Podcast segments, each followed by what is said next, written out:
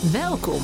Dit is de podcast To Master Your Life, nummer 40. Van depressie naar geluk. Het kan. Tips op het gebied van body, mind en food. Mijn naam is Vilma van Betten en ik heb er super veel zin in. Welkom dames en mensen. Het gaat vandaag een hele bijzondere podcast zijn, want ik heb een gast. En daar word ik altijd super blij van, omdat het een hele speciale gast is die iets heel transformerends heeft meegemaakt. En zo inspirerend dat elke keer als ik haar zie, dan ben ik weer zo verwonderd en blij en verrast. Want ik heb haar zien binnenkomen. En ik zie nu hoe ze leeft, hoe het met haar gaat, hoe gelukkig ze is. En dat is zo een ongelooflijk dankbaar gevoel en een blij gevoel. Dus ik vroeg haar wil je je verhaal niet delen? Want er zitten mensen thuis die zich herkennen in jou, die ook zich gelukkig willen voelen en de uitweg niet zien. En wil je alsjeblieft in mijn podcast komen? En toen heeft ze gezegd: Ja, want ik weet hoe het is om zo te zijn en zo te zitten. En ook hoe fijn het is om eruit te zijn. Dus als ik daar anderen mee mag inspireren, hoe spannend ik het ook vind, hoe raar of eng het ook is om in de microfoon te praten, ik doe het gewoon. En daar is ze dan. Hi Chelsea. Hi. Je zei Wat- het, ja, wat, Wat een intro. ja, dat ben jij. En ehm, nou ja, dat is ook precies wat ik, waarom ik je hier heb gevraagd. Hè? Want ehm, nou, ik ken je nu al een tijdje. En toen je bij me kwam, toen was het wel echt heel intens. Kun je misschien aan de luisteraars thuis vertellen hoe jij bij mij binnenkwam?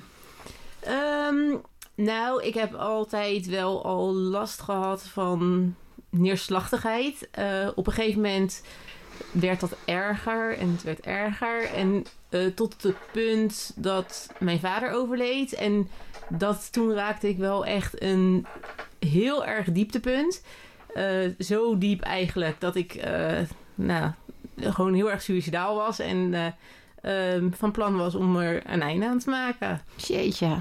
Ja, Ja, en daar zeg je ook nogal wat, hè? En het raakt je ook nog. En dat Ja. is terecht, want het was ook intens en heftig. En mooi als je die emotie gewoon ook even laat zijn. Want het zijn, ja, ik noem het altijd helende tranen. Hè? Het is iets Mhm. wat je mooi hebt verwerkt en wat het een plekje krijgt. En het is dankbaarheid dat het nu anders is. Want het idee dat je jezelf dood hebt gewenst is voor jou nu echt heel verdrietig, hè? Als je daaraan Oh, denkt. Ja, ik kan me niet, voor, ik kan me niet meer voorstellen dat Nee. het zo erg was. En, ehm, maar het was wel echt zo erg. En eh, ja, gelukkig ehm, zijn de signalen opgepakt. Zeker. En je zegt hè, toch even om daar nog op in te zoomen. Niet om, eh, om een probleem groter te maken dan het is. Maar als je je overlevingsmechanismen ehm, en je copingstrategieën niet meer kan gebruiken ten gunste van het willen overleven, dan is er eigenlijk al zoveel kapot. Hè? Dan is er nog maar één uitweg en dat is dan de dood. Hè? Dus zelfs als je overlevingsstrategieën het opgeven, en dat was in jouw geval het geval,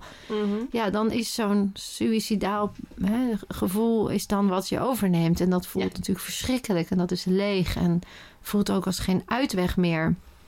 Ja, en tegelijkertijd voelde het voor mij ook wel heel vertrouwd of iets. Ja. Dat het, eh, Ja, veilig. ja, Ja, dan maar daarheen. Daar is het tenminste rust en veiligheid en geen Ja. pijn en geen angst. En het voelt als de enige uitweg op dat moment.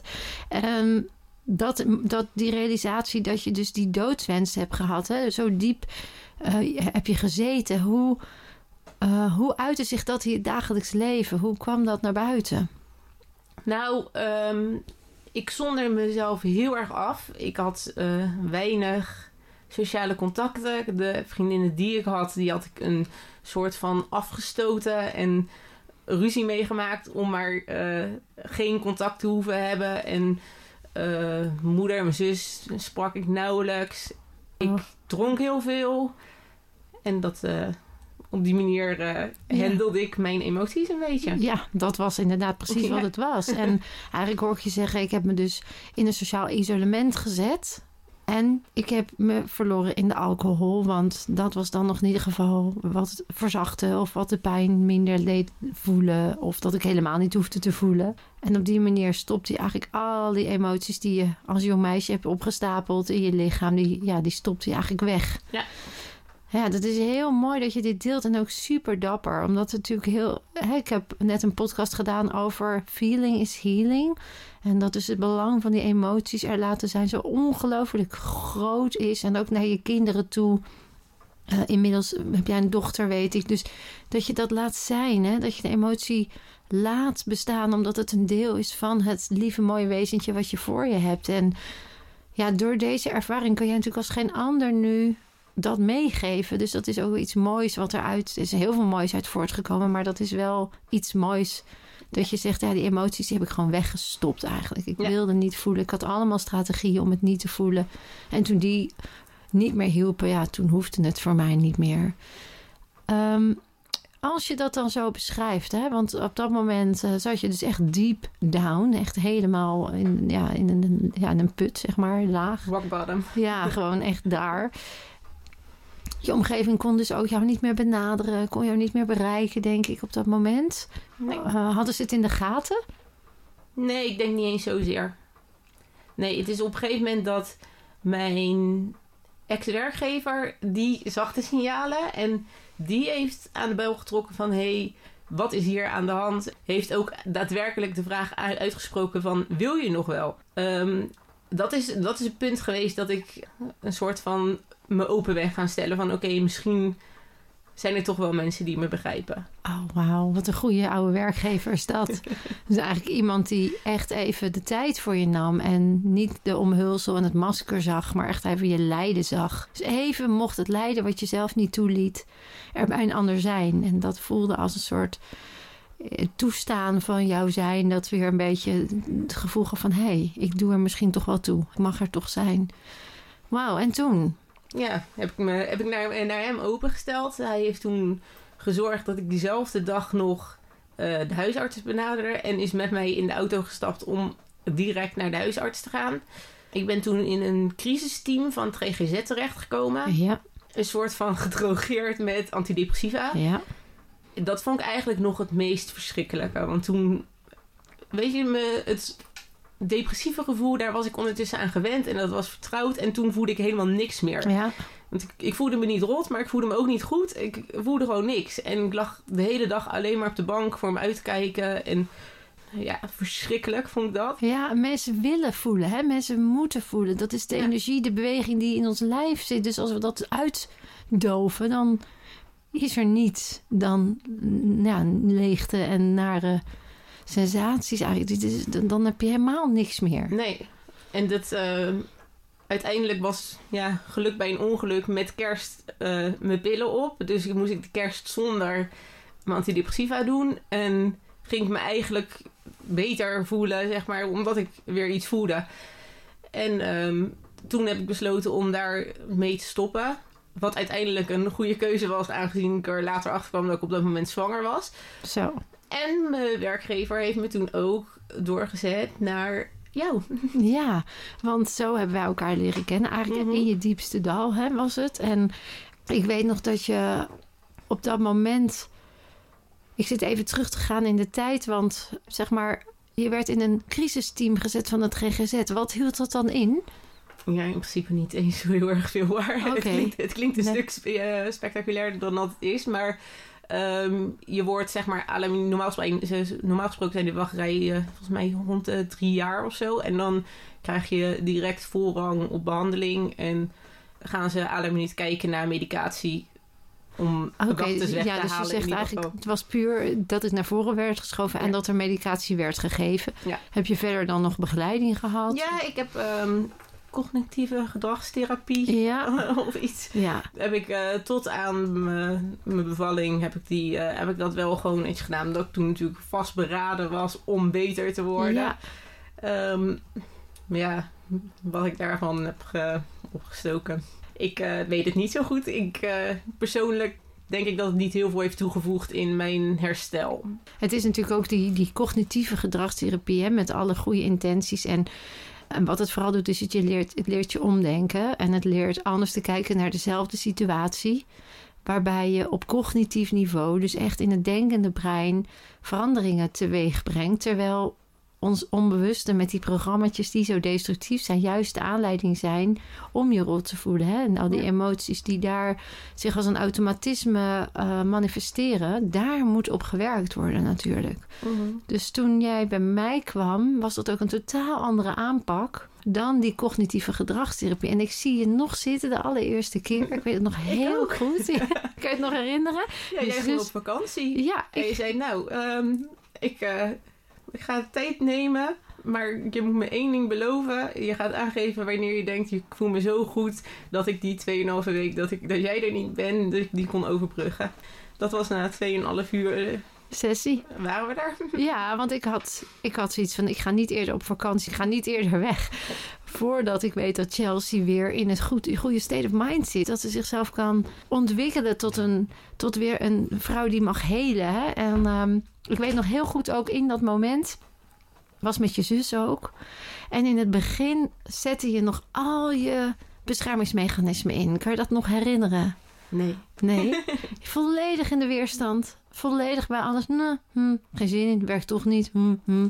Bij alles. Kan je dat nog herinneren? Of is dat helemaal blank Nee, maar ik kan me sowieso weinig herinneren uit die uit die periode? periode. Ja, en dat was ook, het was wat ik mooi vond om te zien in die eerste sessie, is dat je totaal slachtoffer was geworden van je eigen pijn.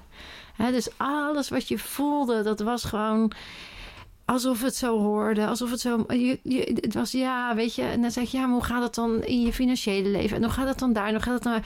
Nou, heb ik allemaal geen zin in. Doe ik allemaal niet, joh, lekker boeien. En totaal geen ownership, totaal geen eh, verantwoordelijkheid kunnen nemen. Hè. Het is helemaal niet een schuld. Het was puur van de state of mind waar je in zat. Waardoor dat gewoon, waardoor ik wist, ja, deze vrouw is echt diep. Hè. Die, eh, Ja. toen ben ik met je aan de slag gegaan met de Body Mind Reset methode. Hè. We zijn Mhm. al wat celgeheugen gaan herprogrammeren. Om te zorgen dat jij weer, in ieder geval die, die periode dat ik op vakantie was, weer op de rit eh, kon komen. En ik gaf je ook tools mee om er zelf mee verder te gaan.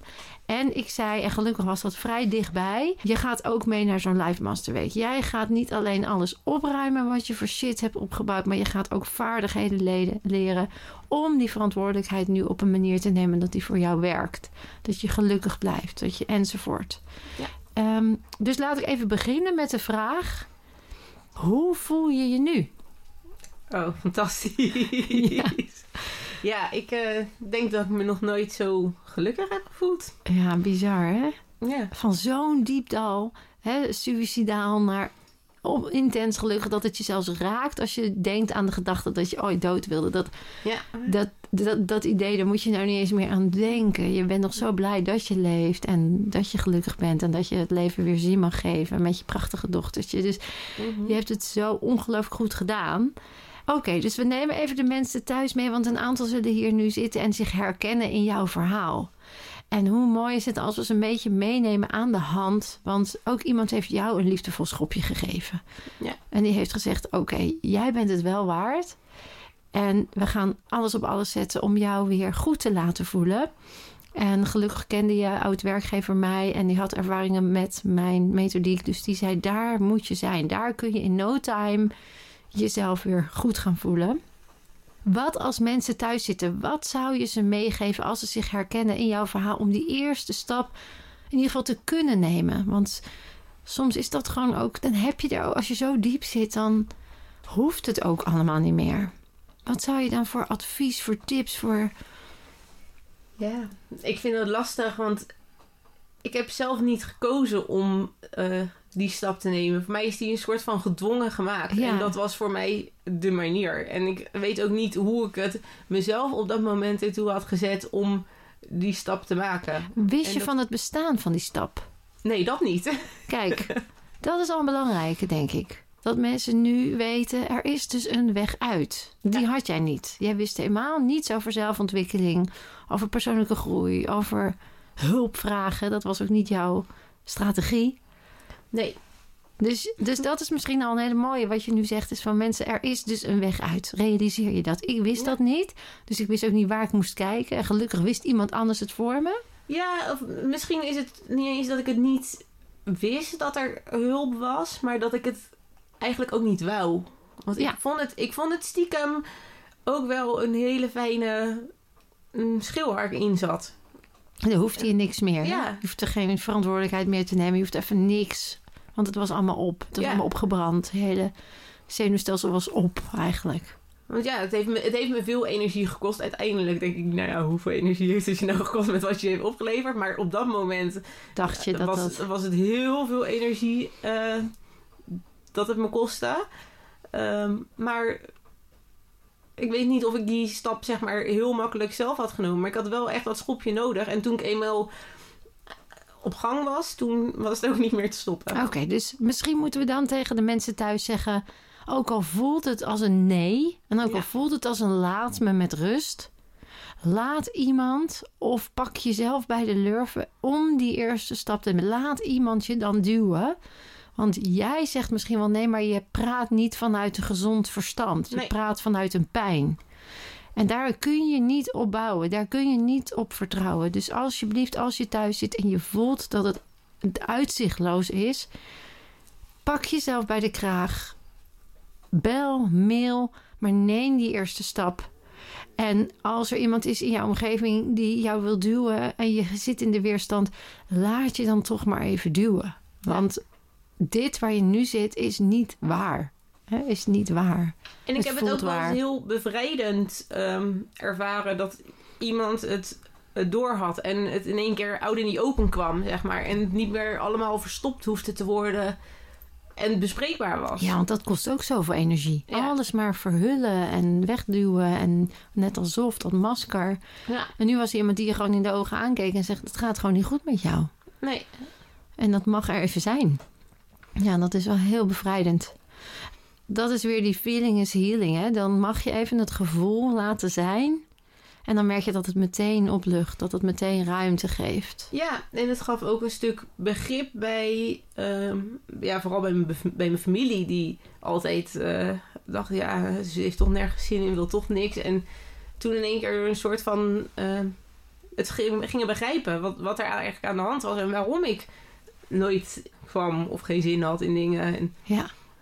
Dat is echt goed als je dat nog even zegt. Want dat sociaal isolement waar je dan niet bewust voor kiest, maar wat je als een soort afweermechanisme inzet, een beschermingsmechanisme, dat kan natuurlijk naar de buitenwereld het idee geven dat zij afgewezen worden. En als zij in die pijn zitten, dan zien ze niet jouw pijn.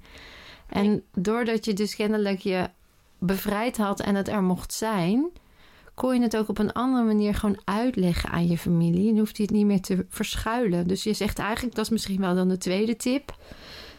Open je hart. Zeg Ja. gewoon tegen de mensen die jou lief hebben. Dit is wat ik van binnen voel. Dit is wat er met me aan de hand is. ja, Wauw. dat, dat heeft mij heel veel geholpen. Ja, dat was dus ook al heel helend eigenlijk. Ja, Ja. Maar goed, toen kwam je ook bij mij. En Mhm. eh, nou, ook daar kreeg je een liefdevolle schop onder je kont.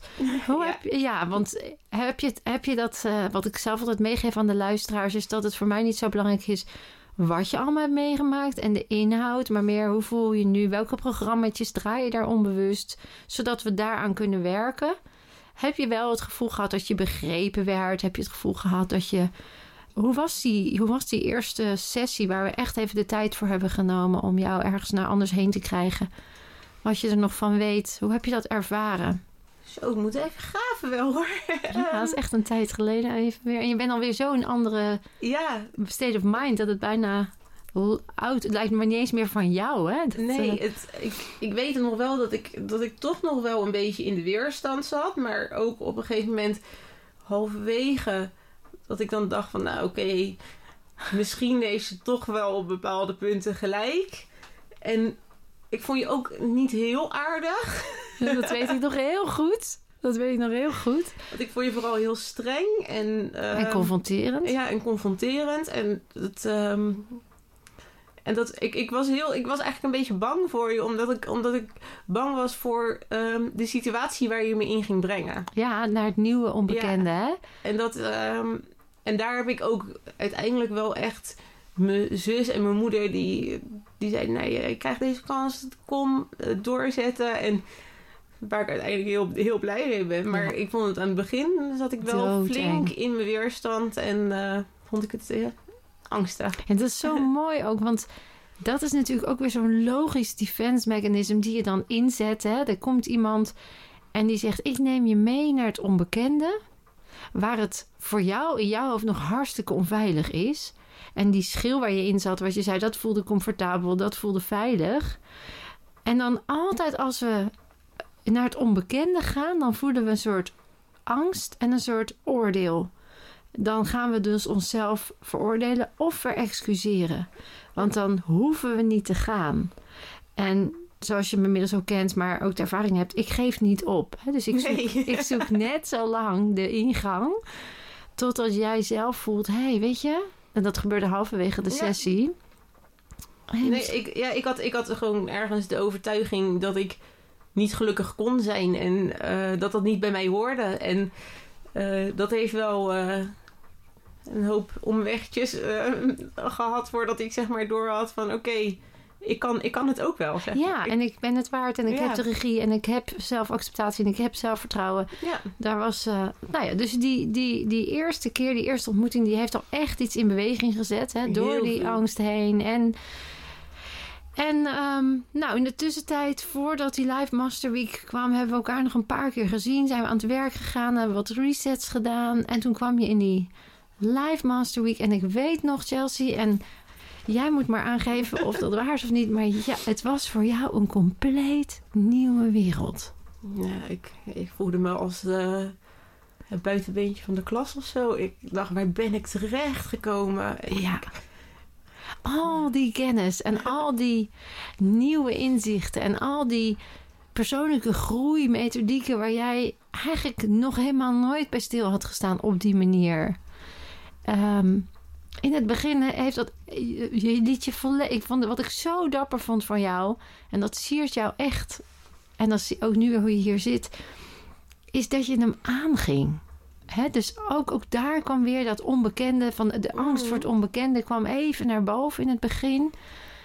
En, je, en ik hoor dat zo vaak terug dat mensen dat dan spannend vinden. En oh, en wat doe ik hier? En wat zijn dit voor mensen? Terwijl het gewoon net zulke mensen zijn als jij en ik. Maar in dat moment voel je echt even, oh my god. En dan, als je dat, en daar werken we ook aan in zo'n live week, dat je even weer op je gemak voelt en dat het oké is. En langzaamaan schuif je dan in de verandering die jouw hele ziel en gut feeling wil voor jou. En dan komt er iets zo moois tot, eh, tot bloeien eigenlijk. Hè? En dat gebeurde bij jou eigenlijk al vrij snel. Dat je jezelf gunde om dan er helemaal doorheen te gaan. Ja, En ja, ja ik, maar ik had natuurlijk wel een goede stimulans. Want ik had je had inmiddels een kindje in je buik. Ja, en ik had eh, mezelf echt voorgenomen van op het moment dat mijn dochter eh, dat moet bevallen, moet ik gewoon helemaal oké zijn. En heel erg angst voor postnatale depressie. En ik dacht, nee, dat kan niet. En ik moet, ik moet me daar... Dus ik ben wel vol overgave. Uiteindelijk, zeg maar, toen ik uit die eerste drempel van Ja. weerstand kwam... ben ik echt vol overgave me in alles gaan storten... om maar op tijd eh, te zijn tegen de tijd dat mijn dochter geboren werd. En ja, het heeft me ook wel tegen, tegen muren aan lopen hoor. Want ik eh, ben mezelf wel, eh, ook in, in de week ben ik me ook wel flink tegengekomen. Ja, dat je ik, hebt je eh, muren ontmoet, hè? Je hebt ja. je muren ontmoet. De freezes. ja, dat ik eh, gewoon weer compleet in de weerstand ging en eh, terugging naar mijn oude ehm, patronen. Ja. En daarom doen we het ook in een week, hè? Want dit wat je nu zegt is ook weer zo herkenbaar dat mensen dan op die plek komen waar de deksel er ooit overheen is gegaan of de muur is opgetrokken uit bescherming. En dan kom je bij die laag. En nog even voor de duidelijkheid voor de luisteraars thuis. Ik weet niet welke laag dat is. Ik weet niet welke herinnering daar ligt. Ik weet niet wat ze daar allemaal heeft meegemaakt dat ze op die laag komt. Het mooie is dat we alleen maar kijken hoe heb je het opgeslagen? Waar ontdek je die deksel? Waar ontdek je die muur? En kom, we gaan samen naar die muur en we gaan er doorheen. En dan zie je dat het veilig is. En die processen, dat dat dan soms woede of frustratie of onrust oproept, ook dat mag er zijn. Want als dat dan weer er doorheen is, merk je ook weer van wauw. Grappig dat ik voorheen er zo tegenop zag. Want nu Ja. ik er doorheen ben, waar maakte ik me druk over? Ja, en het viel me ook altijd vooral op dat zeg maar waar ik de grootste weerstand op kreeg altijd en de, mijn grootste blokkades zeg maar, dat het altijd ehm, dingen waren waarvan ik eigenlijk helemaal niet dacht dat het heel groot was geweest. of iets, weet je. Dat, eh, maar dat er dan zoveel in één keer eh, op uitkwam. En dat ik daar zulke heftige ehm, weerstand in één keer dan naar, naar kreeg. En dat, eh, en dat, dat is eigenlijk wel... Daar, daar heb ik wel een, een turning point gemaakt, denk ik, in die week. Dat ik... eh, op een gegeven moment ook wel heb gerealiseerd van oké, ik kan niet terugvallen in deze oude patronen. Ja, dat vind ik. Ja, dat is goed dat je dat zegt. Want op een gegeven moment was ik teruggevallen in mijn oude patroon. Eh, me afsluiten en zolang ik maar niet eh, meedoe, dan is het er niet, zeg maar. ja, En ja, nee, dat was niet, eh, niet een succes. Want het enige wat ik ermee creëerde was dat ik me in plaats van beter, wat ik me eigenlijk de hele week alleen maar beter en beter ging voelen, me weer in één klap ehm, naar beneden bracht. ja, naar beneden bracht. En, dat, ehm, en dat ik het dan ook nog wel weer lastig vond om daar dan weer een draai uit te halen. En dat om dan weer zeg maar naar een positief te doen. En dat, ehm, dat heeft me wel een hele goede handvat gegeven om dat eh, tegen te kunnen gaan. Want ik, nee, ik heb dat nu natuurlijk ook vaak zat dat ik tegen dingen aanloop waarvan ik denk, oh, hoe ga ik dit nou weer doen? En waar ik eh, vroeger in bed ging liggen onder dekbed, eh, weet ik nu hoe ik het vast moet pakken en door moet gaan. Ja, dat vind ik echt. Dat, en dat merk ik ook aan je. Hè. Je hebt echt een zo'n transformatie ondergaan. Je bent door de weerstand heen gegaan. Je hebt shit opgeruimd. En je hebt jezelf gegund om die vaardigheden die zo belangrijk zijn voor die veerkracht. Voor dat geluk, voor die gezondheid. Om dat gewoon dan toe te passen als het ertoe doet. Want mensen vragen wel eens: ja, ben ik dan na zo'n live master week helemaal klaar? Nee, daar begint het. Je hebt heel veel opgeruimd, maar er zijn nog steeds dingen daarbuiten die je nog overkomt, die je nog meemaakt, die je nog misschien van je pad af zouden kunnen brengen. Alleen nu herken je het, je erkent het en je handelt ernaar. Want je weet nu hoe het kan, hoe je ermee om kan gaan. Dat het ten gunste blijft van je gezondheid en je geluk. Dus er, dat is zoveel meerwaarde. Die tools krijgen we helaas niet mee op school. Onze ouders hebben die ook niet gehad. Dus daar kunnen we het ook niet altijd van verwachten. Sommige ouders zijn daar wel iets verder in dan anderen. Maar dan nog heb je ook vaak nog je eigen, eigen weg, je eigen ontdekkingen. Ja. Dus eigenlijk zeg je die... Het is slechts een week, hè, waar je misschien in een ander traject een jaar of twee jaar of in één week was daar dat tipping point dat je op een gegeven moment je realiseerde: ik kan het nu. Dus voorheen was er nog de angst om terug te vallen of toch weer aan depressie te gaan doen. En nu wist je nee, want die depressie is slechts een uiting van emoties die opgeslagen lagen, die me niet hielpen. En nu die weg zijn, wist je eigenlijk ook van ja, ik kan daar gewoon op vertrouwen. En als er emoties langskomen, dan kan ik ermee dealen. Ja. Dat hoor ik je eigenlijk zeggen. Hoe fantastisch is dat? Ja, de, ehm, ja, ik was natuurlijk daarvoor had ik wel al eh, een aantal stappen gemaakt. Want ik was al lang niet meer zo depressief als. ehm, In die sessies daarvoor begon. bedoel je? Ja, Hmm. in de, in de sessie voor de, voor de week.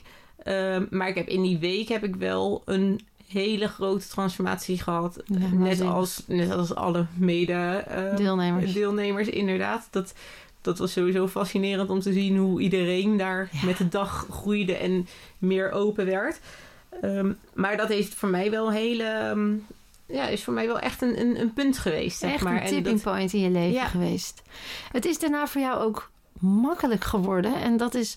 We hebben bijvoorbeeld na die live masterweek... hebben we vaak nog workshops... eh, verdiepingen, kom nog eens langs. Zorg dat je de kracht van een herhaling toepast. Hè. Doe regelmatig bij jezelf de oefeningen. Ehm, ga met elkaar eh, dat stimuleren. Zorg voor een soort community of een groep waar je dat mee kan delen. En wat ik bij jou zo bijzonder inspirerend vind, is dat jij eigenlijk toen je weer helemaal terug was bij je kracht, bij je pure ik, dat het zo weinig moeite kost om ook gewoon radicale veranderingen in je leven toe te passen die zo goed zijn geweest om te Ja. groeien en te bloeien. En dan denk ik aan voeding, dan denk ik aan werk, dan denk ik aan ehm, gezondheid. Je hebt echt, je bent nog steeds in charge of it. Ik heb echt op elk punt in mijn leven echt een radicale omslag gemaakt. Van inderdaad ehm, mijn voeding eh, en alcoholgebruik dat eh, naar nieuw is gegaan. Ehm, ja, ik ben van werk veranderd. waar veel minder druk ervaar en eh, wat me heel erg goed doet. En waarvan ik al wist dat dat me heel goed zou doen, maar dat ik altijd daar een soort van weerstand tegen had. Want ik werkte daar al heel lang en ze waren goed voor me. Dus uh, waarom moest dan niet voor mezelf? Uh, ik wist dat het voor, voor mezelf een betere keuze zou zijn als ik verder zou gaan zoeken. Maar toch had ik ook nog een aanhankelijkheid aan het bedrijf. Want het, hun waren er altijd ook in mijn slechte tijden geweest. En dan kon ik het eigenlijk niet maken om dat niet te doen of iets. Ja. En, dat, en op een gegeven moment heb ik echt die keuze om voor mezelf te gaan uh, te, genomen. En dat uh, heb ik echt nog geen seconde spijt van gehad. En Nee. dat is echt op elk, wat je zegt, echt op elk vlak. Inderdaad, van, van financieel in relaties, naar werk, naar voeding. En Alles vanuit die intensieve alles. kracht, hè? Ja, En niet meer omdat een ander het van je verlangt, of omdat het moet, of omdat het hoort. Maar gewoon, wat zegt mijn hart mij? Wat past bij mij? En in die flow ben je gekomen. Ja. Eh, ja, en inmiddels is je dochtertje geboren, hè? En, en ben je hartstikke prachtige moeder. En neem je al deze kennis en ervaring gewoon weer mee, ook in je opvoeding. Mhm. Wat natuurlijk weer waanzinnig is voor de toekomst. Want we hebben ze hard nodig. Die verrijkte, diepe zielen die eh, gaan voor eerlijkheid en liefde en vertrouwen en he- heelheid. Hè? En niet alleen voor zichzelf, maar ook voor de wereld. Dus ja, fantastisch. Echt een zo. Ik, elke keer weer blijf ik geïnspireerd door jouw verhaal. Je zei het goed, weet je, er zijn zoveel deelnemers die dit soort prachtige transformaties doormaken. En ook Ja. inderdaad daarna ook al merken ze dat het nog leren is of het leven nog een reis met ze meemaakt. Het is nooit meer zo heftig diep. Het is nooit meer zo intens als dat het ervoor was in de negatieve zin. En mensen kunnen nu er wat mee. En jij bent daar natuurlijk een prachtig voorbeeld van dan hoe goed dat dan gaat. En hoe Ja. gelukkig je nu bent. Voor de luisteraars thuis, nogmaals, die, die dit horen, wat zou je nog zelf nu, wat zijn, noem eens drie dingen die jij echt uit de- dit proces van, van de BMR eh Life Mastership hebt gehaald, waarvan je zegt, nou, dat wil ik echt meegeven aan de mensen thuis. Daar kunnen ze al mee starten. Eh, dat is echt een must-do. Waar ik in ieder geval heel veel aan heb gehad. Kun je gewoon eens twee of drie dingetjes noemen waar ze al meteen mee aan de slag kunnen? Waar ik heel erg op heb gelet is mijn gedachten. Dat ik geen negatieve gedachten moest denken. En ehm, dat als, als ik ze wel dacht, dat, het, dat ik er bewust van was dat ik ze dacht. En eh, dat ik, daar ben ik heel lang heel druk mee bezig geweest. Dus dat ik eh, me ook accepteerde dat, dat, ik, dat ik negatieve gedachten had. En dan eh, zei ik meestal tegen mezelf: Oké, eh, ik heb nu deze gedachten, maar eigenlijk. En dan eh, Zetten je er iets... maakte ik er iets positiefs van. En op een gegeven moment merk je dan dat het automatisch gaat. En Juist. wat, wat mij daar, wat dat heeft geleerd, is dat dingen die altijd als heel zwaar en heel moeilijk, dat zeg maar op het moment dat je positief, positief ergens in staat, dat alles veel gemakkelijker gaat. dat het ook niet zo zwaar meer voelt. Nee, het is, het, dingen die, die zijn nu helemaal niet meer, niet meer zwaar of eh, lastig. Ik eh, vind nieuwe uitdagingen nu leuk en ik doe nu elke keer doe ik cursussen en workshops van dingen die ik leuk vind. En eh, ik begin nu aan een hele nieuwe opleiding die totaal niet met mijn werk te maken heeft, maar gewoon dat ik het leuk vind. En eh, dat heeft me eigenlijk gewoon puur gebracht door simpele dingen als eh, dat ik het kan en ehm, Dus die positieve affirmaties heel erg in laten slijten. ja, dat, En voor de mensen thuis, er zijn op de website en in de podcastlijst gewoon prachtige podcast met affirmaties om dat brein te trainen in die richting waar Chelsea het over heeft. Dus dat je jezelf traint eh, positief te blijven, hoog in de ladder, hè, hoog in de emotieladder te blijven door de kracht van taal. Dus dat is echt een hele goede tip van Ja. Chelsea. Begin die kracht van taal voor je te laten werken. En als je merkt dat dat nog niet helemaal is hoe het hoort te zijn, aanvaard dat. Hè. Zeg oké, ik heb nu deze gedachte en weer door. En ik heb nog steeds wel eh, momenten dat ik. eh, en ik train mezelf er ook nog steeds. Want ik heb altijd op naar mijn werk heb ik altijd luister ik, of een podcast of ik luister een luisterboek. En die allemaal over dat soort dingen gaan. En eh, zodat ik altijd, weet je, het is toch nutteloze tijd die ik op de fiets naar mijn werk zit. Dan kan ik het net zo goed eh, er nog iets, ja, nog iets positiefs uit, uithalen. Dus daar dan echt de meest, eh, meest verschillende boeken over ehm, de kracht van jezelf. En uh, dat soort dingen heb ik, heb ik geluisterd op de fiets. Ja. En dat, eh, dat doe ik nog steeds elke dag. Als ik naar werk ga en terug van werk. En dan hou ik het ook een beetje up-to-date. En herken ik ook op het moment dat ik weer een beetje terugval. Je En- blijft dan in dat bewustzijn. Dus dat is eigenlijk een tweede tip. Doe gewoon iets dagelijks wat bijdraagt aan gezondheid en geluk. We hebben natuurlijk de dagelijkse oefeningen. Is dat iets wat je ze mee wil geven ook? Dat is ook Ja. zoiets wat je gewoon in je systeem kan zetten. 's ochtends onder de douche. Even jezelf opladen. Even die kruislinkse bewegingen. Even die toxische belastingen afvoeren. Zodat je hele systeem weer gereset is voor de, voor de dag. Mhm. Is dat iets wat je zegt, ja, dat is gewoon zo lekker Ja. empowerend. Gewoon Dat doen. sowieso. Sowieso. Ehm, dus ik hoor de kracht van taal. Lekker iets dagelijks doen wat je herinnert aan dat het goed kan zijn. Dat je je gelukkig kunt voelen. Zelf hanteer ik dus de- mijn mantra zou je kunnen zeggen. Vandaag is mijn lievelingsdag. En dan zeggen mensen altijd, ja, dat is helemaal niet zo. en dan zeg ik, nee, alleen je kijkt dan anders naar dezelfde situatie. Dat is het effect. Is er nog één ding ter afsluiting wat je echt nog zou willen delen? Nee, dit niet. is eigenlijk wel waarvan je ja, zegt... nee, het is voor mij wel. eh, nou ja, wat ik, wat ik zou willen delen is dat op het moment dat, dat ik het kan. En je denkt nu misschien, oh, wat een positieve troela. Maar eh, als ik het kan en ik heb echt.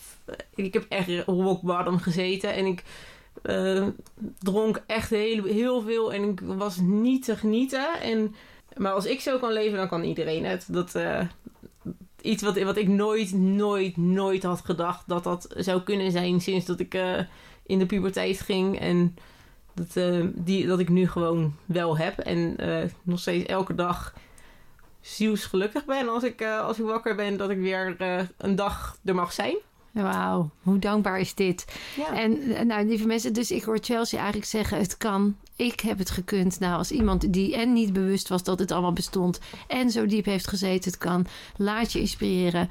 Kom echt, maak een afspraak. Ga wat doen. Laat je, geef jezelf een liefdevolle schop of laat je schoppen, want je bent het waard. En ehm, je weet het, onze BMR-sessies zijn er. Je kan er een workshop komen, je kan er een retreat weekend komen, je kan er een week komen. Ehm, als het financieel onmogelijk lijkt, bel, app, mail, want ook daar zijn afspraken over te maken. Ik wens voor de wereld dat we met elkaar de wereld een beetje mooier maken. En daar draag ik graag aan bij. En ik hoop dat voor jou dat ook echt zo gaat zijn. Want ik blijf zeggen, jij kan meer dan je denkt. Dankjewel Chelsea. Dankjewel luisteraars. En eh, tot de volgende keer.